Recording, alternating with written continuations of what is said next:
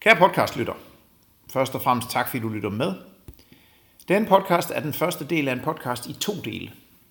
Jeg har delt den i to, fordi den endte med at blive meget lang. Du kan sagtens høre første del her, uden at høre anden del. Men jeg vil anbefale dig at høre dem begge, hvis du finder den her første del interessant. I anden del kommer vi ind på rigtig mange spændende ting omkring målsætning og håndtering af nervøsitet i krævende situationer. Og det synes jeg ikke, du skal gå glip af. Men i første omgang, god fornøjelse med første del. Velkommen til podcasten Lær Sporten. Jeg hedder Rikke Clausen, og i den podcast interviewer jeg nuværende eller tidligere profiler fra sportens verden, for at finde ud af, hvad vi andre kan lære, og hvad vi ikke kan lære af de bedste udøvere, trænere og ledere og andre fra sportens verden. Inden vi går i gang med dagens gæst, vil jeg gerne lige slå et slag for et nyt tiltag på podcasten. Jeg er på jagt efter sponsorer for at sikre den fortsatte udvikling af podcasten, og også for at sikre, at det fortsætter gratis. Podcasten høres over 3.000 mennesker per episode, og henvender sig til en spændende målgruppe, der interesserer sig for ledelse, talentudvikling og selvudvikling. Hvis du synes, jeres brand passer ind i den profil, så skriv til mig via hjemmesiden eller Facebook-siden, der hedder podcasten Lær af Sporten. Du kan også bare skrive Lær af Sporten på Google. Hele den første side er vist øh, podcasten efterhånden. Og så til sagen. Dagens gæst er uden diskussion den bedste i sin klasse i sin idræt i verden. Han er forsvarende europamester, forsvarende verdensmester og forsvarende paralympisk mester i en individuel idrætsgren. Fire paralympiske medaljer i træk i en individuel idrætsgren som bordtennis. Det er 15 år i træk som forsvarende olympisk medaljevinder. Her er to af guld. Tyk lige lidt på den. Peter Rosenmeier, velkommen. Tak skal du have. Fortæl først, øh, hvor er vi? Hvorfor er vi her? Jamen, vi sidder i uh, Passport Danmarks uh, mødelokale, uh, og det gør vi, fordi at uh, jeg, udover uh, at, at dyrke min idræt, så har jeg et, uh, et sideerhverv her, øh, hvor jeg tjener nogle penge. Øh, sådan er det jo øh, inden for vores... Øh, inden for vores lille idrætssegment. øh, man kan ikke leve af det, i hvert fald ikke i Danmark, øh, så det kræver, at man har noget indkomst ved siden af. Øh, og den øh, har jeg så sikret her, og det er en, det er jeg meget, meget privilegeret øh, over. Øh, jeg er meget, meget glad for, fordi det giver mig nogle, nogle muligheder, som, som mange andre ikke har. Og hvad laver du, hvis man må være så fri? Jamen, jeg sidder, jeg sidder i øjeblikket med, vores, øh, med det meste af vores indgående økonomi, det vil sige øh, fundraising, fondalegater, øh, sponsorer, lotterier, øh, alt sådan noget, der, der skaber nogle penge. Okay. Det er godt, at man prioriterer det. Det tænker jeg, der er mange forbund, der kunne lære lidt af. Ja, det tror jeg også. Øh, vi kan også blive meget, meget bedre til det. Øh, men, øh, men vi gør rigtig meget i det, og det er selvfølgelig en stor del af, af vores, man kan sige, vi havner jo et eller andet sted mellem, mellem at være et, sådan et, et, et, et, et idrætsforbund og være en NGO, og ikke rigtig nogen af delene, vel? så, så vi opererer i sådan et, i sådan et vande, som, hvor man skal manøvrere rigtig meget rundt og fortælle andre folk, at man er det, man er. Så, så det, det er svært, øh, men vi, vi gør det godt, og, og lige i øjeblikket øh, ser det faktisk rigtig, rigtig fornuftigt ud. Og I har nogle store, tunge samarbejdspartnere, Jysk blandt andet, ja. jeg er. Jysk, øh, Preslit, øh, og så en øh, Elsasfonden, som er en, en udspringer af, det gamle Bernsen Tekstil. Øh, så, så vi har nogle rigtig, rigtig øh, store medspillere, og så har vi en erhvervsvirksomhed på, på 16 virksomheder også, øh, som, som alle sammen bakker op. Så, så vi har en, en virksomhedsportefølje på næsten 20 øh, erhvervssamarbejdspartnere. Det er, det er rigtig, rigtig flot, øh, og efter de helt store øh, idrætsforbund, så er vi også øh, bedst kørende på den del. Fremragende. Øh, kan vi gå lidt tilbage i tiden og så øh, snakke om, hvornår du startede med at dyrke sport, mm. og måske specifikt også, hvornår øh, det blev øh, bordtennis? Ja, altså øh, det startede med sport lang, lang tid før det startede med bordtennis. Øh, og det kræver måske, at man øh, dykker sådan lidt ned i, øh, hvad det var, jeg var, eller er, eller hvad man skal sige, fordi øh, jeg blev jo født øh, uden forvarsel i forhold til, til, til mit handicap, eller man sige, i forhold til mine forældre. Øh, og derfor var det, var det selvfølgelig en kæmpe, kæmpe stor omvæltning og en kæmpe stor chok for dem. Øh, og at få et, et, et halvt eller et kvart barn, eller hvad man nu vil, i forhold til, hvad man nu havde regnet med. Ikke? Øhm, og jeg øh, voksede så op og, og kom i, øh, startede selvfølgelig i en, i en almindelig folkeskole og i en lille by i Nordjylland, øh, hvor man ikke kunne så meget andet end at gå til fodbold om sommeren og håndbold om vinteren. Øh, og da mine klassekammerater så allerede der i, i børnehaveklassen, første klasse, begynder at gå til fodbold, øh, så er det jo også sådan meget naturligt for mig, at det skal jeg også. Øh, fordi på det tidspunkt, så, altså jeg ved jo godt, at jeg, at jeg ser anderledes ud. Jeg ved godt, at jeg ikke har øh, de arme, som de andre har. Jeg ved godt, at jeg ikke har de ben, som de andre har. Men, men sådan, øh, at forstå, at det skulle være et problem i forhold til at, at dyrke idrætten, øh, der var jeg ikke overhovedet. Øh, så jeg, jeg tager jo hjem en eller anden dag fra skole og siger til mine øh, forældre, at øh, jeg skal starte til fodbold på mandag. Og det synes de selvfølgelig ikke er nogen øh, hammerende god idé, sådan lige umiddelbart. Øh, fordi øh, forventningen er måske nok, at det ikke øh, bliver nogen kæmpe stor succes.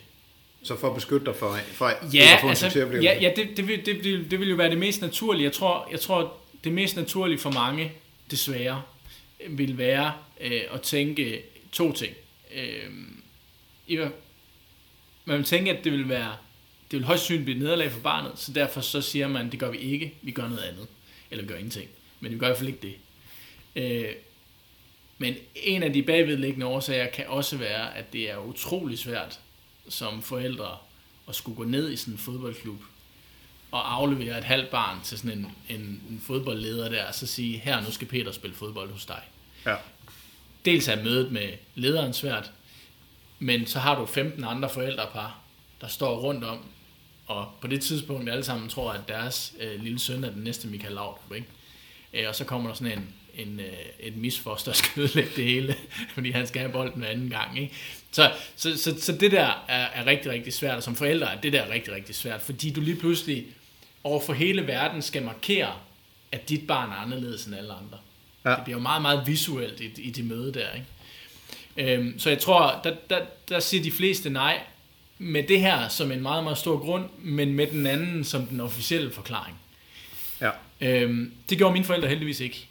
Øhm, jeg har øh, nogle enormt ressourcestærke forældre, øh, og øh, de vendte den rundt og sagde, at med det store handicap, som, som, som jeg har, øh, så vil jeg højst sandsynligt møde rigtig, rigtig mange nederlag på min vej, hvis jeg skal blive en del af det her samfund, hvis man kan sige det sådan. Øhm, så derfor så kan jeg lige så godt, jeg kan lige så godt lære at håndtere de der nederlag fra start af, mens jeg stadigvæk har dem til at gribe mig ved siden af, og til at støtte mig. Øhm, fordi hvis de beskyttede mig hele vejen op igennem og holdt mig væk fra det der, så skal jeg lige pludselig selv ud og stå på egen ben. Og hvis jeg får nederlaget der for første gang, hvordan skal jeg så kunne, kunne rejse mig eller bokse tilbage på det? Kunne dine forældre ikke ringe til alle forældre til raske børn og give dem det samme skudsmål, fordi jo. det er jo det, der er hele misæren med samfundet i dag, at børn må ikke få lov at begå fejl. Altså. Nej, og det, og det er det i, i det almindelige samfund, men det er det så sandelig også på handicapområdet.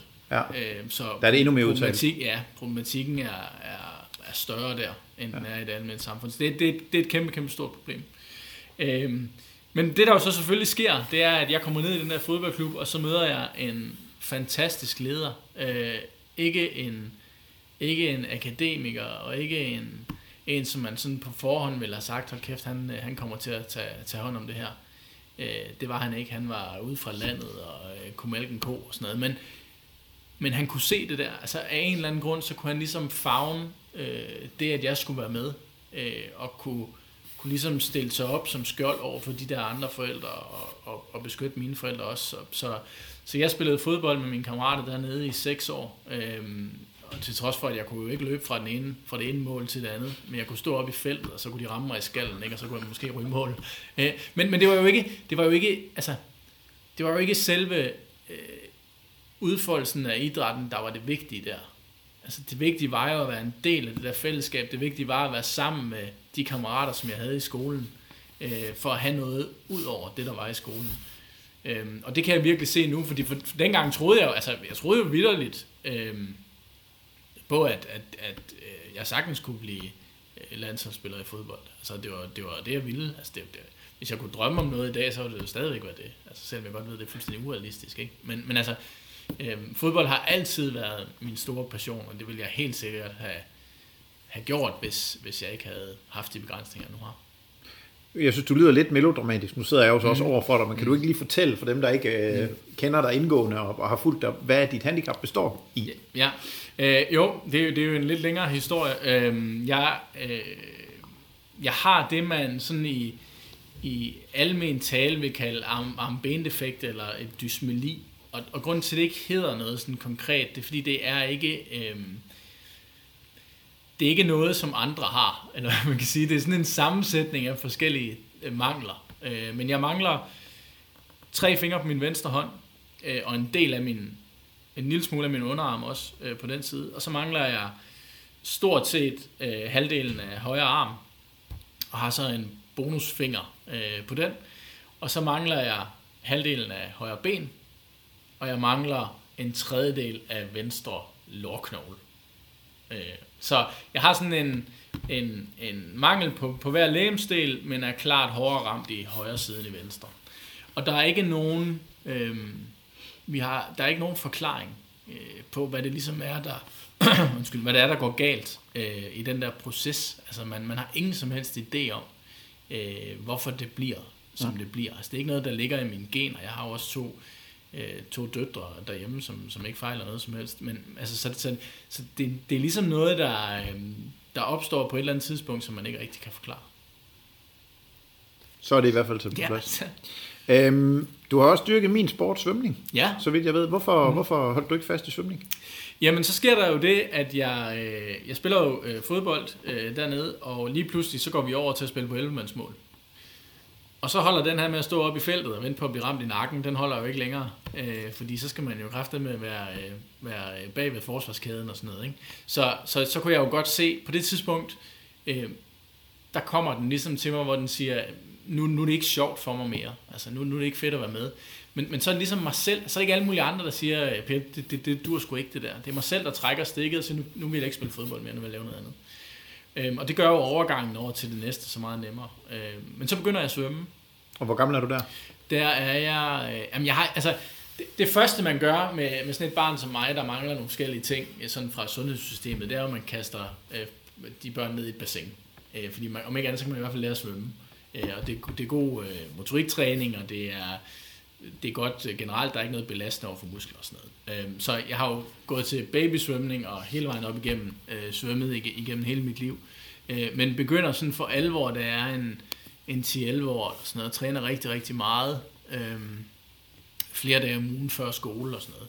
Øhm, og, og kommer også ind omkring øh, ungdomslandsholdet i, i parregi, Øh, og det stopper faktisk specifikt ved, at jeg gennem en længere periode har synes at det har været øh, det har været træls at tage til træning. Øh, jeg synes ikke, det var, det var ikke specielt udfordrende. Men der, der sker altså det, der ligesom får, får mig til at kaste håndklædet i ringen, det er, øh, jeg er på skiferie en uge med mine forældre øh, og mine to brødre. Øh, og da vi så kommer hjem derfra, øh, så får jeg et par dage efter en opringning fra vores øh, talenttræner, Øh, og han spørger lidt ind til, hvordan det går med træningen og sådan noget, fordi vi har et nordisk mesterskab noget tid senere. Øh, og jeg siger så, at det, det går, den passer jeg og sådan noget, men, men vi har godt nok lige været på en uges øh, skiferie i Trysil, eller hvad det nu var. Og han siger så, øh, lidt overraskende for mig på det tidspunkt, siger han så, hvor meget har du så trænet deroppe?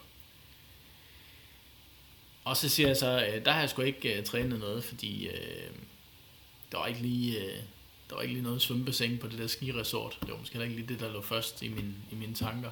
Øh, og så får jeg en, en seriøs overhaling, øh, som jeg husker det. Og der, øh, der, øh, der ender det med, at jeg sådan sidder sådan og halvhulker der i, i telefonen. Øh, og, øh, og der tror jeg, der bliver det også for meget for min, min mor øh, specielt, øh, som, øh, jeg kan ikke huske, om hun skriver et brev eller ringer til dem, eller hvad det nu er. Men i hvert fald, så, øh, så bliver det ligesom enden på det, Øh, og jeg er faktisk ikke i et bassin overhovedet i otte år efter det. Ej, hvor er det skrækkeligt. Ja. Altså. Øh, jeg tror, at... Jeg, altså, grunden til, at jeg var blevet træt af det, det, det er også fordi for mig, der det der med at... Altså, jeg, jeg havde sgu ikke... Øh, jeg har enormt stor respekt for svømmer, fordi jeg synes, det er umådeligt imponerende, at man på den måde kan tage kampen op mod sig selv hele tiden. Øh, det der med at hele tiden at skulle kæmpe mod egen tid og egen teknik, og øh, ligge og stiger ned i betongulvet. Øh, det er virkelig, virkelig, virkelig hårdt. Øh, og hvis ikke man, hvis man tror, man har prøvet det, når man, når man ligger og svømmer 50 baner hver anden søndag, eller hvad folk nu gør, øh, så, så ved man ikke, hvad man snakker om. Fordi det er så meget, som man træner i, i svømmeregi, det, det kræver virkelig en sindssyg mentalitet. Øh, Så jeg har kæmpe stor respekt for, for dem, der gør det. Øh, men det var ikke mig. Og så er det der, du går i gang med Og så er det, så er det der, jeg går i gang med bordtennis. Og, og, og, og der sker det, at jeg på det tidspunkt svømmer en gang om ugen øh, op i Aalborg i en, en kæmpe stor øh, handicapidrætsklub, der ligger deroppe, der hedder øh, Idrætsforeningen for Handicap i Aalborg. Og, øh, og der har man sådan en fast træningsdag, øh, hver mandag dengang i hvert fald, øh, hvor alle idrætterne er i gang. Og det betød, at når jeg havde gået til svømning, jamen, så kunne jeg faktisk, øh, så kunne jeg faktisk gå rundt og, og prøve mig af på nogle af de andre discipliner. Øh, og der kommer jeg så i berøring med bordtennisen og finder ret hurtigt ud af, at, at, øh, at det synes jeg var super, super sjovt, og at jeg også på en eller anden måde havde en eller anden talent, et eller andet talent for det. Øhm, så det begynder jeg at gøre rigtig, rigtig meget, øhm, og spiller, øh, spiller en, en del, øh, men det bliver først sådan rigtig alvorligt, faktisk, øh, ret sent, øh, omkring en, da jeg er en 16 år eller sådan noget. Er det sent i bordtennis? Ja, det synes jeg er sent sådan generelt i idræt, Ja. øh, at specialisere sig øh, i en idrætsgren, i hvert fald hvis man sådan skal blive rigtig dygtig til det. Øhm, men jeg tror, min, min fordel i det her har været, at, øh, at jeg tidligt har været i gang med, med idrætten. Jeg har tidligt været i gang med boldspillet. Øh, jeg har fået basis, øh, den, den fysiske basisopbygning igennem svømningen, øh, der gør, at jeg har kunne, kunne trække mig igennem alle de her tusindtal af træningstimer, uden faktisk at have været, havde været igennem noget skadesforløb på noget tidspunkt. Øhm, så, så, øh, så på den måde tror jeg, at jeg har en, jeg har en anden indgangsvinkel, end mange af mine konkurrenter har, som, som jo har spillet bordtennis, siden de var 6-7 år eller sådan noget. Ikke? Øhm, Kunne der også være noget med det? Nu har jeg, øh, jeg har fornøjelsen af at træne en, en svømmer. Jeg er lidt øh, assistenttræner oppe i Helsingør Svømmeklub. Mm. Og der er en svømmer, der er blevet omskolet nu fra altid som nogle andre stiler til nu som brystsvømning. Mm. 17 år gammel og intelligent. Og vi nærmest startede med sådan et helt hvidt stykke papir. Mm. Altså, hun har ikke nogen indlærte fejl. mm, Altså, hun, vi starter bare med at lave gode ting, ikke? mm. At kunne der også være noget om det? Altså, du har ikke indlært en masse fejl, da du var 9 og 10 og 11 og 12 i bordtennis. Ja, problemet er så, at jeg indlærer alle de fejl øh, lidt senere. Okay. men, men, men det er jo så igen sådan lidt... Øh, altså, det er jo fordi, så kommer du jo ud i... Altså i hvert fald i, i bordtennis, som, som jo er en noget mindre idræt end, end svømning. Øh, der tror jeg heller ikke, kvaliteten af trænerne ude i klubberne er lige så god, som den er i, i svømmeverdenen for eksempel. Og det gør, at øh, der er måske ikke så meget fokus på, på den rigtige tekniktræning øh, ude i, i klubberne til, til børnene, som, som der burde være i en sådan en optimal verden. Så, så hvis jeg sådan skal være, hvis jeg virkelig skal være sådan helt hård, øh, så er jeg først, så begynder jeg faktisk først at lære det helt rigtigt for, øh, for 6-7 år siden, øh, da den træner, som, som vi har nu, øh, kommer ind i billedet. Øh, og det er jo noget specielt, Okay, ja, så... Ja. ja. det er jo noget specielt, og, og, og det handler jo om, at i, i vores verden, når man, når man har så øh, når man har så øh, alvorligt et handicap, som, som jeg har, og, og som, som dem, jeg spiller mod i min klasse har, så er det meget, meget svært at gå ud for sådan en, en normal teknisk guidebog. Øh, fordi at øh, nogen spiller uden albu, og nogen spiller uden håndled, og nogen spiller uden arm, altså nærmest Ja. ikke. Øh, så så øh, der, du kan sgu ikke læse i bordtennisen ABC, hvordan man laver et forhåndslup med munden. Vel? Nej. Øhm, så, så, så, så det er sådan meget specielt, så det, det kræver, at man rigtig mange af os har, har ligesom måttet opfinde de der ting selv undervejs. Ja, du skal have en træner, der forstår, hvad biomekanik er, ikke? Ja, det skal du. Øh, og, og jeg har været igennem øh, en del træner undervejs, men, men, men, men har først her for, for seks år siden i 13, øh, da vi får Kristoffer, som jeg har nu, får jeg for første gang en, som har været rigtig, rigtig dygtig selv mm. øh, som spiller. Øh, og det har gjort en kæmpe stor forskel for mig. Øh, fordi han nemmere har kunne sætte sig ind i, han har nemmere kunne tænke løsninger øh, på de problemer, jeg har, end, end de trænere, jeg har haft før, som måske mere har været øh, teoretisk dygtige trænere, øh, hvor han er enormt praktisk øh, dygtig. Så du er markant bedre bordtennisspiller nu, end du var for 6-7 år siden. Ja, det er meget Hvordan kunne du så vinde guld i 8? Ja, men det er jo så det, øh, fordi altså, det er nok mere, jeg tror mere, det er forklaringen på, hvordan jeg også kan vinde guld i 16, hvis jeg må vinde. for Fortæl, noget. fortæl, fortæl. Ja, men det er fordi, øh, altså, parasporten generelt har jo været igennem en vanvittig udvikling igennem de sidste 15-20 år. Jeg har den i hvert fald i svømning. Det æder Ja. med at gå stærkt. Det Ja. er sindssygt. Ja, og, og den, den kan du spejle over på de andre idrætter ja. også. Altså, der er simpelthen sket det, at der er kommet en, et kæmpe, kæmpe økonomisk løft. Øh, og det gør, at rigtig mange af dem, som vi ligger, øh, os danskere, ligger og kæmper imod, hvad det er svømning, eller atletik, eller bordtennis, eller hvad fanden det nu er, øh, de laver ikke andet. Altså, de er fuldtidsprofessionelle i, i den idræt, de har. Og, og det gør det jo selvfølgelig markant sværere for os, og det gør at vi skal være enormt dygtige og enormt øh, kvalitative på den tid, vi bruger. Øhm, og der var jeg, altså der lå jeg jo, hvis du går tilbage til 2004, 2008, jamen så lå jeg jo i toppen af spektret i forhold til træningstimer, øh, i forhold til mine konkurrenter, hvor jeg i dag ligger i bunden af spektret. Ah. Ja, så jeg kunne, jeg kunne vinde rigtig, rigtig meget på mængde, mængde, mængde, mængde, mængde, øh, hvor jeg i dag skal vinde rigtig, rigtig meget på kvalitet. Ja. Øh, og det gør, at vi bruger enormt mange ressourcer på at opgradere hele setup'et omkring vores atleter, fordi vi ved, at vi kan ikke være med på øh, kvantitet. Det er det samme i svømning. Ja, altså det, præcis. Det giver sig selv. Sådan er det. Så, så, øh, så det tror jeg er forklaringen på det, øh, på hvordan, øh, altså på den udvikling, der har været, fordi jeg kan se, at niveauet er så meget højere i dag, end det var dengang. Så det er bare så, jeg forstår i sammenligning med 2008 til 2016. Mm. Hvis du havde haft det samme niveau i 16, som du havde i 8, så var du blevet nummer 5 eller 6 eller 7. Ja, eller endnu mindre, ja. Okay. Måske, ja. Interessant.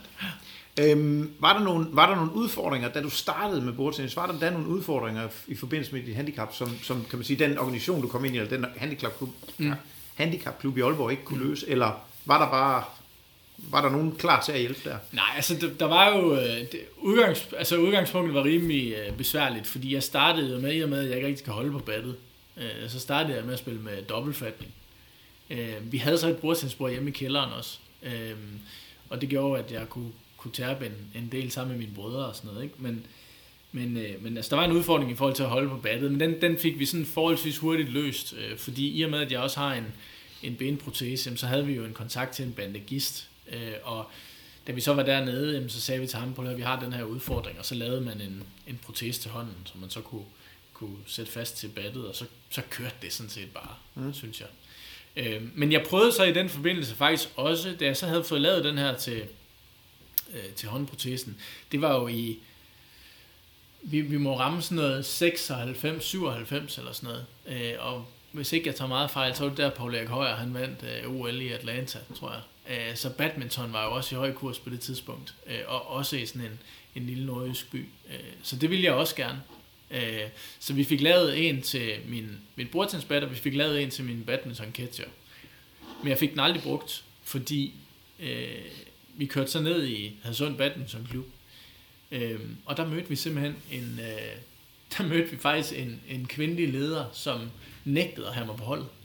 Så det modsatte af det, du mødte i fodboldklubben? Ja, kom der, faktisk. Mødte du? Ja, altså ja. Hun, hun tog faktisk det, som, som, som jeg snakkede om før, som man skulle tro, at mine forældre ville have sagt, det sagde hun faktisk. Hun sagde, det her, det kommer aldrig nogensinde til at gå, det bliver et kæmpe nederlag for ham, det vil jeg ikke være med til. Øh, hvor min øh, mor så prøvede at sige, jamen, Øhm, det kan vi sådan set godt forstå, du tænker, men vi tager alt ansvar over på vores skuldre, så hvis det går galt, så er det vores skyld og ikke din men hun nægtede. Jeg fik simpelthen ikke lov at være med. Er det dit indtryk, at, for det er i hvert fald mit indtryk, jeg, jeg har jo ikke haft lige så meget med, med handicap at gøre, som du har, men jeg har arbejdet med nogle handicapsvømmere, øhm, så, så mit indtryk er, at det har ændret sig ekstremt meget mm. nu, både i samfundet generelt, men også i forhold til idræt. Ja. Hvad, hvad tænker du om det, i forhold ja, til dengang det, for 20 det har, Det har det uden tvivl også. Der er også markant mere hjælp at hente, end der var dengang. Jeg tror, øhm, du, du kan jo i dag ringe til dit specialforbund og få hjælp. Ja. Øh, altså, rigtig mange af specialforbundene har jo, har jo samarbejdsaftaler med, med os i, i parasport, så derfor er der en helt anden connection i dag, end der var dengang, og der er en helt anden accept ja. af det.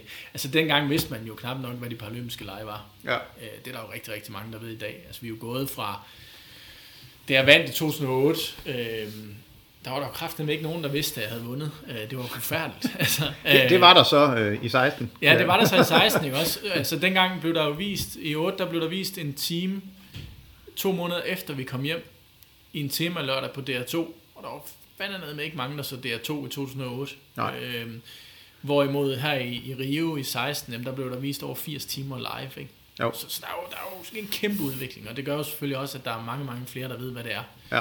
øh, og ved, at det kan lade sig gøre. Så når man får sådan en, når man får sådan en, nu siger jeg sådan en øh, om mig selv, men når man får sådan en som mig ind ad døren, øh, så har man måske et, en helt anden grundholdning til, hvad der kan lade sig gøre, og hvad der ikke kan lade sig gøre. Ja. Det er jo derfor, jeg synes, det er interessant at snakke med dig. Mm. Det er jo også fordi, du siger sådan en som mig. Altså. Ja. Øhm, hvad har den klub i Aalborg betydet for dig? I, sådan i hele processen med at udvikle dig til verdens bedste bordtennisspiller? Den har betydet øh, sindssygt meget. Øh, Jeg tror Det er faktisk den ikke... samme klub, ikke? Jo, Som- ja. jo. Altså, man kan sige, nu har jeg jo ikke haft noget berøring med den, siden jeg flyttede fra Nordjylland, øh, da jeg blev færdig med gymnasiet, mm. men den har betydet enormt meget for mig i min, i min opvækst, i min barndom.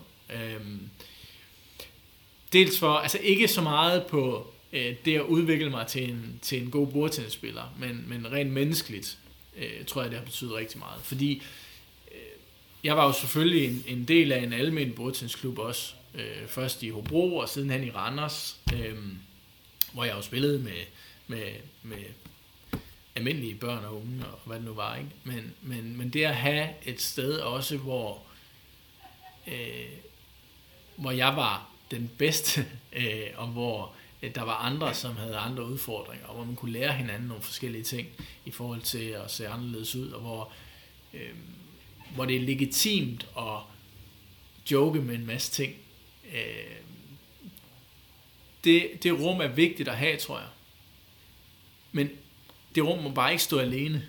Altså, det må ikke være det eneste rum, man, man færder sig i. Og det er der rigtig, rigtig mange, der desværre kommer til øh, at lukke sig ind i den der klokke, hvor man kun omgiver sig med, med folk, der, der på en eller anden måde så er anderledes, eller er i samme kategori som en selv. Det er pissefarligt. Øh, det ser vi jo på i alle mulige andre henseender også. Det ser vi i integrationen, for eksempel. Ja. Ikke? Det der med at, at, at bevæge sig kun i, i, i, det, i den... Øh, i det miljø eller den gruppe, som man tilhører, det er en killer lige. Øh, Har det noget med tryghed at gøre? Eller? Jamen jeg, mm, jamen, jeg tror, altså, du, hvordan, hvordan skal du nogensinde kunne blive klar til at møde et, et samfund, der ser anderledes ud end dig selv, hvis du ikke er i berøring med, med den gruppe? Altså det, det, det giver jo sig selv et eller andet sted, hvis man tænker logisk. Ja. Øh, Så hvis jeg kun, øh, hvis jeg kun øh, gik og, og, og var sammen med, med, med, med andre mennesker, som manglede arme og ben og sådan noget, så kommer jeg lige pludselig ud og går en tur på strøget, og så er der øh, 3.000 mennesker, der har både arme og ben, så er det jo for hjertestop. Øhm, så, så selvfølgelig skal du have den anden del også. Øhm, det giver sig selv. Er det noget af det, som klubben i Aalborg har, har været med til at også nej, at nej, det tror jeg ikke, de har været med til at pushe. Øh, men, men, men de har givet mig det rum der, øh, og, og givet mig den sikkerhed, og har også i min, i mine tidlige år, øh, hvor jeg sådan ligesom gik fra at være øh, talent til elite, der var de meget behjælpelige økonomisk i forhold til at komme ud til, til de forskellige stævner og sådan noget. Øh, så, så på den måde har de betydet rigtig, rigtig meget. Det er også derfor, jeg uden egentlig at have, øh, sådan, have kontakt med dem, stadigvæk er medlem i dag. Mm. Øh, det vil jeg altid være, fordi de, de, har, de har haft en enorm stor betydning for min karriere. Øh, så, så dem har jeg altid et eller andet forhold til. Fedt med klubloyalitet. Det er der, det er der, jeg synes det bare, det bliver der mindre og mindre af. Ja, men nu er det, sådan, det er, nu er det sådan i bordtidens, at man, altså jeg er i dag medlem af fem, fem forskellige Okay. klubber, øh, og spiller på forskellige hold og sådan noget, Ja. øh, i forskellige lande. Og, så, men, men, men sådan på handicapområdet i, i Danmark, der er det dem, som, som gælder for mig. Jeg kunne godt tænke mig lige at blive en lille smule sportsnørdet, fordi vi mm. Mm. går jo meget op i biomekanik. Det er jo hele fundamentet for svømning, det at forstå biomekanikken. Mm. Så og da jeg sad sådan og forberedte mig til det her, så tænkte jeg, hvad er egentlig den primære udfordring biomekanisk ved dit handicap? Fordi der er jo, altså, er det dit højre ben, eller er det rækkevidde med armen, eller er det manglende fleksibilitet, fordi du, altså, der mangler noget håndled, eller hvad, ja. Ja. altså, hvad, hvad er det, sådan, du tænker, det her, det er det, jeg arbejder rigtig meget med, fordi det er, det er det største handicap for mig? Ja, vi arbejder rigtig, rigtig meget med mange forskellige ting i mange forskellige øh, situationer. Øh, nu har jeg for eksempel øh, for halvanden år siden startede jeg op med noget one-on-one pilates. Øh, og det har jeg simpelthen gjort for at træne min, øh, mit højre ben specifikt. Øh, men også for at træne mit venstre ben, fordi jeg har i kraft af, at jeg mangler øh, en del af mit, mit højre ben, så har jeg i min barndom hoppet rigtig meget rundt, fordi jeg ikke gad have protese på. Ah. Øh, Og det har gjort, at jeg har opbygget et enormt venstre lår. Øh, men også, at man har sådan tre hovedmuskler på, på forsiden af låret. Øh, og og de, mine to ydre øh, muskler, der, de er enormt stærke. Øh, men den midterste, den er nærmest non-existing. Øh, og det har gjort, at balancen i mit lår øh, har været svært, og, det, og jeg har fået utrolig mange smerter i det. Øh, så det har vi brugt enormt meget tid på at træne op. Øh, så det er egentlig ikke i forhold til at blive øh, bedre eller mere smidig, men det er simpelthen for at undgå øh, skadesfrekvensen. Ja. Øhm, men i forhold til at træne den højre side, så, så er det helt sikkert i forhold til at blive hurtigere. Det, er, det bliver meget nemt for mig, at mit, min, mit højre ben bliver sådan en, jeg forestiller sådan en, en pirat, øh, Ja. sådan en piratben, man bare planter ned Noget- i sanden, ikke? og så opererer man Ja. rundt om, Ja. øh, som sådan en eller anden, øh, øh, sådan en passer fra den gamle skoletid. Ikke? Jo.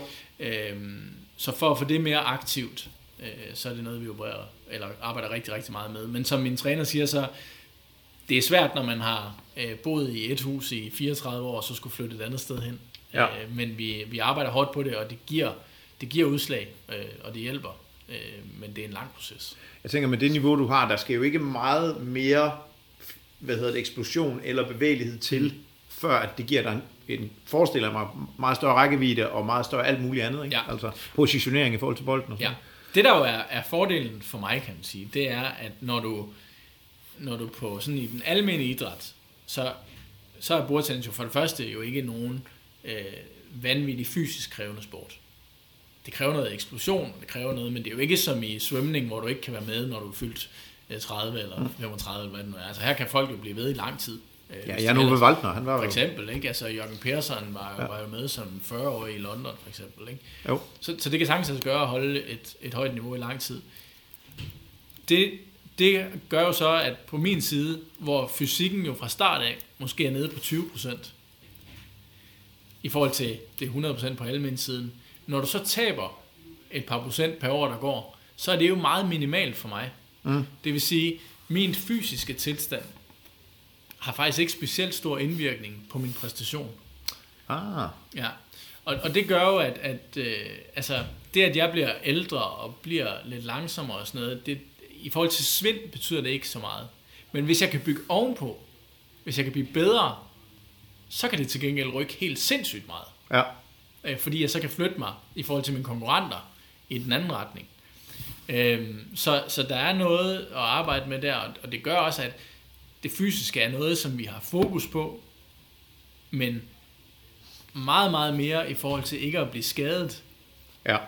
end i forhold til at, altså, vi står ikke og pumper øh, i styrketræningsrummet i øh, 20 timer om ugen, eller vi har ikke øh, fuldstændig sindssyg øh, øh, styr på, øh, på øh, vægt og kost og sådan noget. Altså, vi, vi har meget fokus på, at det skal, jeg skal kunne præstere i den der situation, i forhold til kost og sådan noget selvfølgelig. Men, men det her med, at, at, øh, at, at fedtprocenten skal ligge på 3 eller 3,5 eller 4, det er vigtigt. Jeg vil, jeg vil ikke sige, at det ikke er vigtigt, fordi ja hvis den kunne det, så ville det være godt. Men det er ikke lige så vigtigt, som det vil være for en, der var på almindssiden, eller en, der dyrkede en anden idræt. Så derfor så har vi ikke lige så meget fokus på det, som man måske ville tro, at man havde.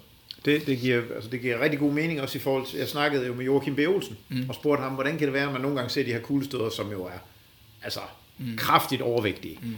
Så han, det er simpelthen fordi, den negative betydning af at få for lidt at spise mm. i forhold til at styrketræne, mm. den overskygger langt den fordel, der er ved at veje 5 kilo mindre. Mm. Så, så det er simpelthen, hvad man bruger sin energi på. Mm. Altså, hvad man bruger sin energi på at træne, i deres tilfælde jo så at æde, mm. som en del af træningen. Ja. Øhm, har du oplevet at blive diskrimineret på grund af dit handicap?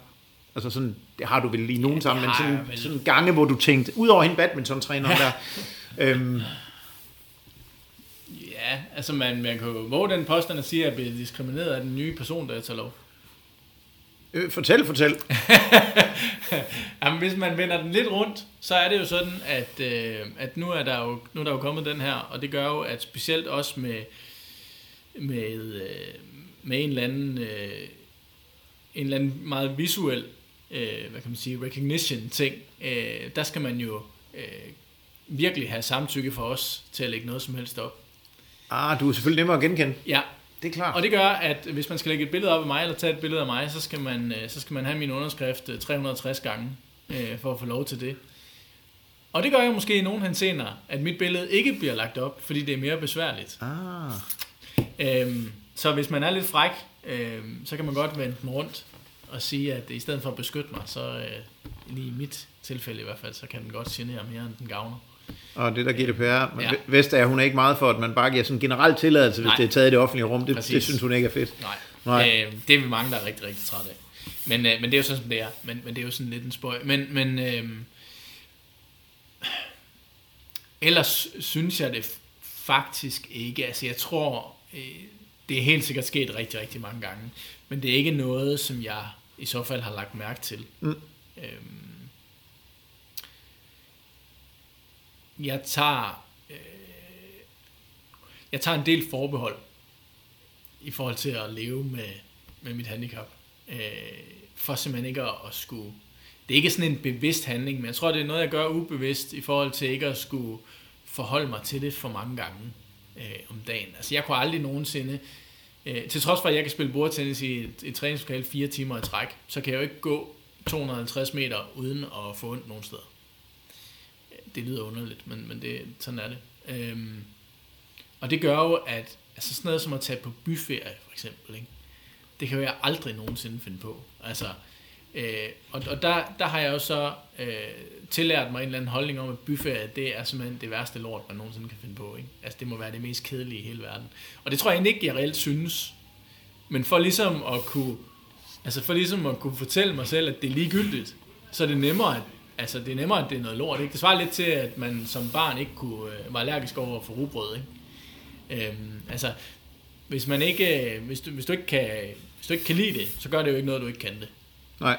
Øh, og, og det tror jeg, det, er sådan en, det har været en stor del af min livsfilosofi undervejs. Altså, øh, og derfor så, når folk spørger mig, om det ikke har været svært eller hårdt, eller, så, så til, til trods for, hvor utrolig meget jeg forsøger at tænke over, hvornår det kan have været svært, så har min oplevelse faktisk ikke været, at det har været specielt svært. Nej. Det er sjovt, du siger det, fordi jeg, jeg havde Christian Bundgaard, min gode ven og, og tidligere svømmer, mm. øhm, og også PL guldvinder. Mm. Øh, Christian Bundgaard, han var, han, var, han var også gæst på podcasten, og han sagde, øhm, hvis man er vant til, at når man skal noget, så tager det, det der tager almindelige mennesker 6 minutter at komme derhen, det tager mig 36 minutter. Ja. Hvis man er vant til det hver dag, Ja. uden undtagelse altid, tager det fire gange så lang tid Ja. at finde en bus og alt det der, Ja. så er det ikke så vigtigt, om det regner. Nej. Og så bliver man sådan lidt, Ja. det er ikke vigtigt, vel? Altså, han, han havde sådan den der, han, han, fik, han sagde, at jeg har fået et helt andet fokus mm. af at være, altså af ikke at kunne se noget. Og han startede jo med at kunne se noget, mm. og så mistede han synet, da han var mm. lille, ikke? Jo. Øh. Og jeg tror, at der er en kæmpe stor forskel der, fordi dels så, øhm, der, der er to ting i der. Dels så skal Christian jo tage bussen. Ja. Det er en nødvendighed Ja. øh, for ham, for at komme fra A til B. Jeg behøver ikke at tage på storbyferie for at overleve. Nej, Øhm, så, så de helt elementære ting, dem skal man selvfølgelig gøre. Men, men det, der ligger udenom som, som goder, eller som tillæg, eller hvad man nu vil, dem skal jeg bare fra, hvis, ja. jeg, ikke, hvis jeg ikke kan være en del af dem. Og den anden ting, der, der, der er en kæmpe stor forskel mellem mig og Christian, det er, at jeg har altid haft det, jeg nu har at gøre med.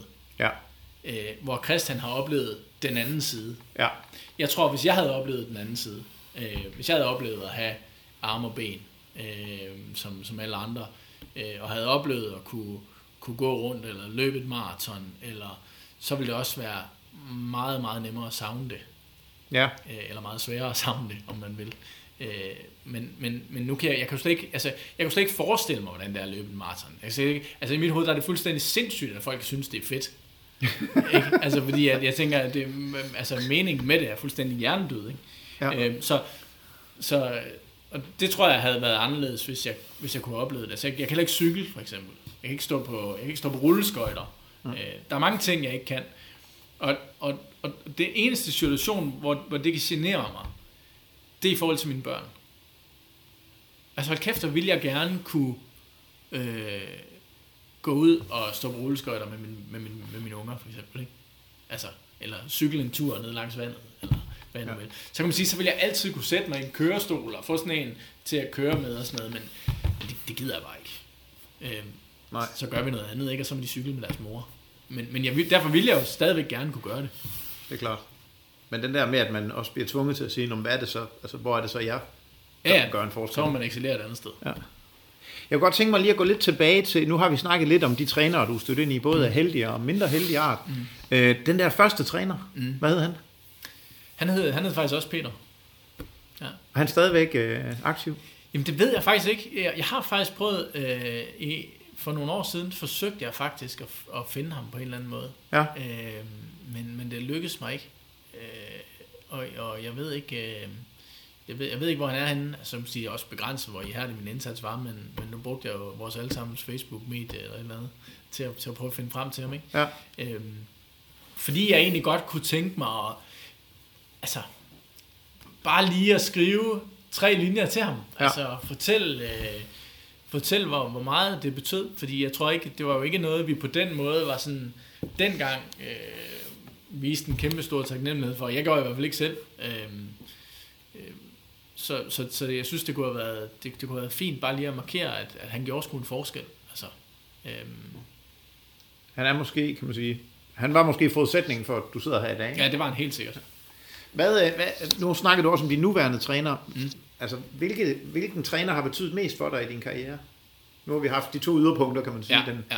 Den inkluderende, ham der ser muligheder frem for begrænsninger, og så Ja. den top elitære træner. Ja. Er der nogle andre på vejen, hvor du sådan tænker, det, har, det flyttede mig virkelig? Ja, så skal det være, øh, så skal det være den træner, vi havde, øh, da min satsning virkelig startede. Og det er sådan set ikke, fordi han var, øh, han var ikke noget øh, bordtennis-geni overhovedet. Øh, men det var ham, som satte sig ned sammen med mig i 2001 og sagde, hvad vil du egentlig med det her? Ja.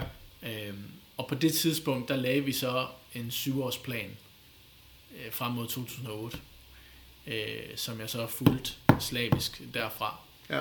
Øh, og den plan har, har betydet enormt meget, fordi det var ligesom der, hvor jeg skulle vælge, om jeg ville øh, akademikerlivet, eller om jeg ville sportslivet. Øh, og, og det var han, øh, der var han en, en meget vigtig faktor i forhold til, ikke egentlig i forhold til at syre mig ind på en, en af de to retninger, men i forhold til at fortælle mig, at jeg ikke kunne begge dele. Øhm, og der valgte jeg jo så øh, sportsdelen og måtte, altså dels måtte jeg jo flytte til København, øh, da jeg var færdig med gymnasiet, og dels var, øh, var, var, var, øh, var det også sådan, at jeg måtte vælge et studie, som jeg mere eller mindre ikke behøvede at være på. Øh, fordi det var den periode, hvor jeg så havde mulighed for at træne rigtig, rigtig meget. Så det var ikke et helt, et helt fravalg af Akademi Vej. Det var bare Nej, det, det en var nedprioritering. sige. Ja, en meget, meget kraftig nedprioritering. Øh, uden, at, uden at forklare nogen, så, så, øh, så søgte jeg ind på, på pædagogstudiet øh, ude i, i, i Vium. Øh, og med velvidende, at jeg aldrig, aldrig nogensinde ville være pædagog. øh, men, men simpelthen fordi, at jeg så kunne øh, bo på et kollegie, jeg kunne få SU, og så kunne jeg overleve på det, øh, uden at behøve at arbejde, øh, og så kunne jeg træne øh, 30 timer om ugen. Ja. Øh, Og jeg åbnede ikke en bog i de 3,5 år, jeg var ude på det studie, øh, og lærte absolut ingenting. Øh, Men jeg fik æderbank med trænet meget bordtennis. Øh, øh, blev du færdig? Jeg blev færdig, ja. Okay. Det er så også lidt tankevækkende, synes Det jeg. kan man så også øh, undre sig over. Ja. Det, det er selvfølgelig et meget bredt spørgsmål, ja. det her. Men, men hvad er det, de bedste trænere, de kan? Eller hvad er det, den gode træner kan? Hvis vi sådan, kan vi kapsle det ind? Eller? Øhm, ja, det kan, det, det kan vi. Altså, vi kan i hvert fald tegne et billede af den perfekte træner. Ja. Øh, dem tror jeg altså ikke, der er så mange af. Øh, men, men, øh, men, men du skal jo kunne ting på forskellige områder. Jeg tror, først og fremmest, så skal du kunne sætte dig i atletens sko. Det tror jeg er enormt vigtigt. Øh, det er enormt vigtigt at være adaptiv og kunne se det fra begge sider. Øh, fordi det er meget, meget nemt bare at stå op på bassinkanten og sige, at du skal træne øh, 6 timer om dagen, øh, og så skal du spise 14 bananer og 2 kilo havregrød, øh, og så kører vi bare derud af. Ikke?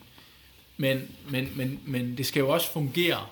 Du får den bedste atlet, når det også hænger sammen på den anden side.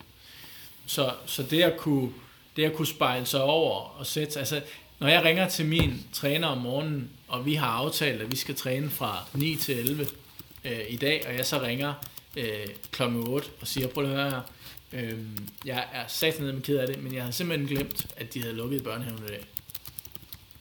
Øh, Ja. Så kunne han godt gå fuldstændig bananas. Øh, fordi, fordi nu står han derude Ja. øh, og har forberedt sig øh, og gjort sig klar. Øh, og lige præcis Christoffer, som er min træner, han er meget, meget perfektionistisk, hvad det angår. Øh, så inderst inde, der Så- går han amok. Så er der en lille vulkan der. Jamen, det er der. Ja. Øh, og, og, men, men han ved godt, at, at det får han ikke specielt meget ud af i den situation, vel? Så, så, øh, så til trods for, altså han, han, han evner at se igennem og forbi nogle af de store svagheder, jeg har, som blandt andet er skemalæggelse. Øh, det er jeg virkelig, virkelig dårligt til. Øh, og derfor er- fungerer vores partnerskab så godt, fordi han er enormt god til det. Øh, men jeg tror, man skal komplementere, komplementere den, den atlet, man har på, på bedst mulig måde, så de, de svagheder og mangler, som atleten har, der skal man virkelig gå ind og bakke op massivt. Øhm, hvis nu jeg var enormt dygtig øh, taktisk, så hjælper det mig jo ikke specielt meget at få en træner, hvis hovedkompetence er at være enormt dygtig taktisk. Mm. Fordi det er ikke det område, som jeg kan udvikle mig mest på, eller har brug for mest assistance på. Jeg har brug for at få en træner, der, kan, der er markant bedre end mig på de parametre, hvor jeg ikke er specielt god. Ja. Fordi det er der, vi kan flytte flest procent. Øh, så, så hele den her med at kunne, kunne, kunne se ind i, og kunne kortlægge, hvad er, det, hvad er det, jeg har med at gøre. Så jeg tror, den dygtige træner, han ser sin, han ser sin atlet som et eller andet, øh, som, et, som en eller anden, øh, som et eller andet kort af en eller anden art, hvor man skal, hvor man skal lave de her byggesten og sige, hvor er det, vi har nogle svagheder, hvor er det, vi har nogle, nogle, øh, øh, nogle styrker, og sige, hvordan bygger vi det her op til at blive den mest perfekte udgave af den atlet, vi har. Eller den mest perfekte person. Jeg tror, jeg kan godt lide, jeg, jeg, jeg elsker Marco Madsen, øh, fordi øh, dels er han en fantastisk person, men han, han er også en mand, der hele tiden styrer efter et koncept, der hedder, jeg vil være den bedste udgave af mig selv. Ikke? Og Det, det synes jeg er fedt, fordi så kan alle andre sådan set være fuldstændig ligegyldigt. Det der er hans mission, det er at blive så god, som han overhovedet kan, ud fra de forudsætninger og rammer, han nu har. Øhm, og det tror jeg, vi er rigtig mange, der kunne lære rigtig meget af, fordi man har så travlt med at spejle sig op i alle andre, i stedet for at sige, hvor, hvor god kan jeg egentlig selv blive, ikke? Og i implicit i det, hvis man skal nå langt, så skal man jo også netop have en træner, mm. der også forstår, mm. hvad vil det så sige, Ja. altså at Ja. han eller du er den bedste version af dig Ja. selv. Og så skal vi jo, altså alt overskyggende, så er det selvfølgelig, at man har de samme mål. Det kan jo ikke hjælpe noget, at, øh, at min træner han gerne vil være øh, verdensmester, og jeg egentlig bare helst vil vinde øh, Sjællandsmesterskaberne, eller omvendt. Øh, så, så vi skal arbejde hen mod det samme, og vi skal være enige om, hvad, hvad filosofien er. Øh, fordi ellers så kommer vi ellers kommer vi til at lægge forskellige øh, arbejdskraft i det, og så kan det selvfølgelig kun slutte galt. Det er jo der, jeg synes, det er lidt interessant så at sammenligne, fordi det er jo også det, meget af det, som jeg arbejder med, det er jo kan man sige, at, at bibringe de ting, som vi kan fra sportens verden, mm. i, i øh, kan man sige, virksomheder mm. til ledere og medarbejdere. Ja. Og i en virksomhed, der er der jo ikke rigtig noget, nogen tvivl om, hvad det overordnede mål er. Nej. Det er at gøre nogle aktionærer glade, eller tjene nogle penge til virksomheden. Mm. Hvis man er advokatbranchen, så er det at gøre partnerne glade. Ikke? Mm. Men i sportens verden, der kan målene jo være mange facetterede. Mm. Øhm, og i virkeligheden, så er det jo atletens mål, der er de væsentlige. Men hvis man så står over for en træner, der i virkeligheden er mere ambitiøs, end man selv er, mm. hvordan bliver man enige om mål? Ja, øh, altså, det synes jeg, der er, det, det er for det første meget, meget sværere, end man tror. Fordi det er meget, meget nemt, altså alle, jeg tror, at de fleste i hvert fald, de sætter sig jo ned i begyndelsen af en sæson, og så kigger de hinanden i øjnene og siger, hvad er det, vi gerne vil. Mm. Øh, ellers, hvis ikke man gør det, så skal man i hvert fald begynde på det. Hvis man har en Korrekt. lille smule, hvis man gerne vil en lille smule, ikke? Ja. Og der, i, i det møde, der, der tror jeg, der er det ret nemt at blive enige om, hvad man gerne vil. Det, der jo så er det svære, det er også at ville det inderst inde på begge sider af bordet. Ja. Fordi en ting er, hvad vi sidder og siger til hinanden her. Noget andet er, hvad vores mavefornemmelse siger os. Ja. Eller hvad vores sådan indre siger os. Ikke? Fordi, jamen, vil du så det, eller vil du gerne øh, drikke de der to flasker rødvin lørdag aften, når det kommer til stykket? Ja. Ikke? Der er kæmpe stor forskel. Øhm, så, så jeg tror, det er nemt at blive enige sådan i, i øh, sådan officielt og udad til, men det er sværere at, at, at sådan være, være helt synkt øh, indvendigt. Og det er, jo, det er jo adfærdsteori i virkeligheden også, ikke? At Ja. når man sætter sig ned og laver en plan, der kan alle jo sidde sådan, det er virkelig Ja. en god idé. Ja. Men så går vi stadigvæk hjem og chokolade, fordi skolen Ja. står lige foran os, Ja. ikke? Og det vi jo så skal være gode til der, det er jo, at vi skal være gode til at trække hinanden med i de dårlige perioder. Fordi de dårlige perioder vil jo komme, uanset hvem fanden vi er. Altså alle har dårlige perioder, og alle har perioder, hvor motivationen den er dårlig. Og det er uanset om du er øh, verdensmester, eller øh, sandkassepusling, eller elitetræner, eller amatørtræner. Altså alle har de der perioder. Og hvis du da har en på den anden side, som kender dig godt nok til at kunne se, hvornår du falder ud, og kan hive dig op, inden du falder for langt ned, så er det det perfekte markerskab, det opstår. Kan du også sige det til din træner? Ja, det kan jeg sagtens.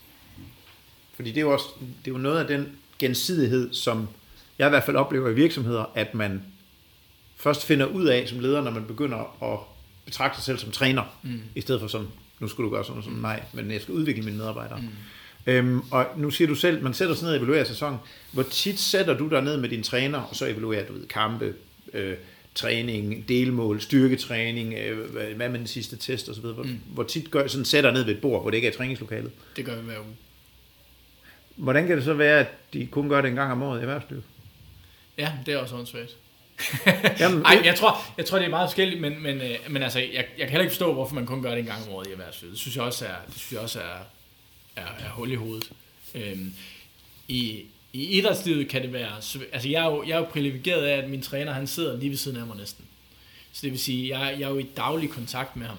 Øh, og det gør også, at vi bliver nødt til... Altså, vi træner sammen stort set hver dag. Vi ser i hvert fald hinanden hver dag.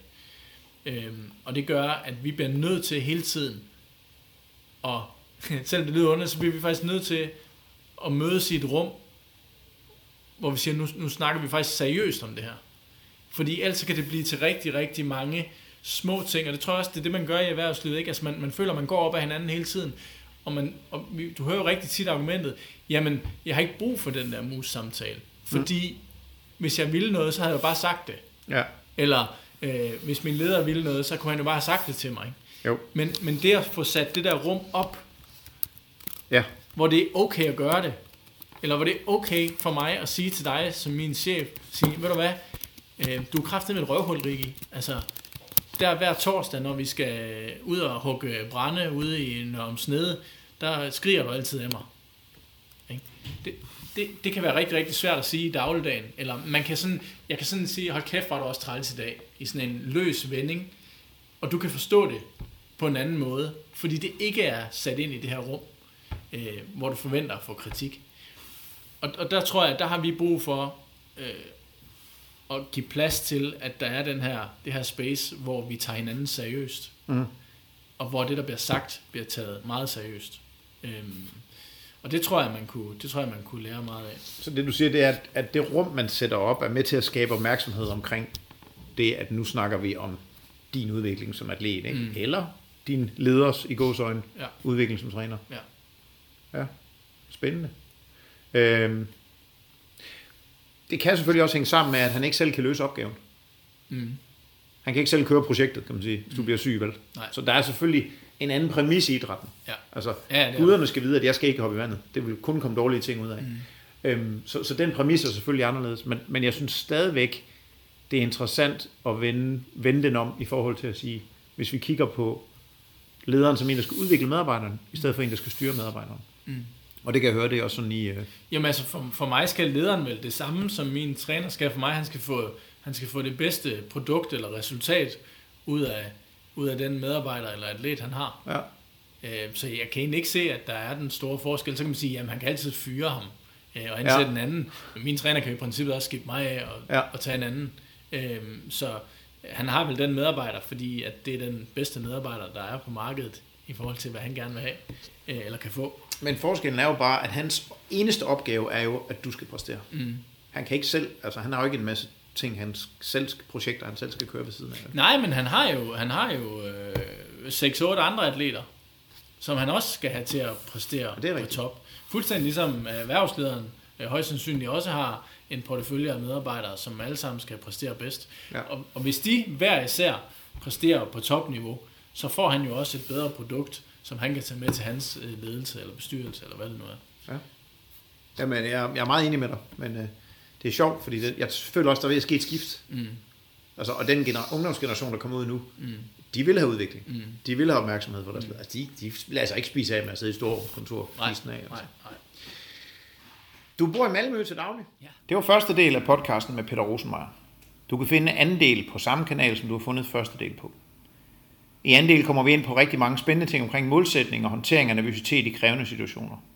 Noget vi alle sammen kan bruge. Vi høres ved i anden del.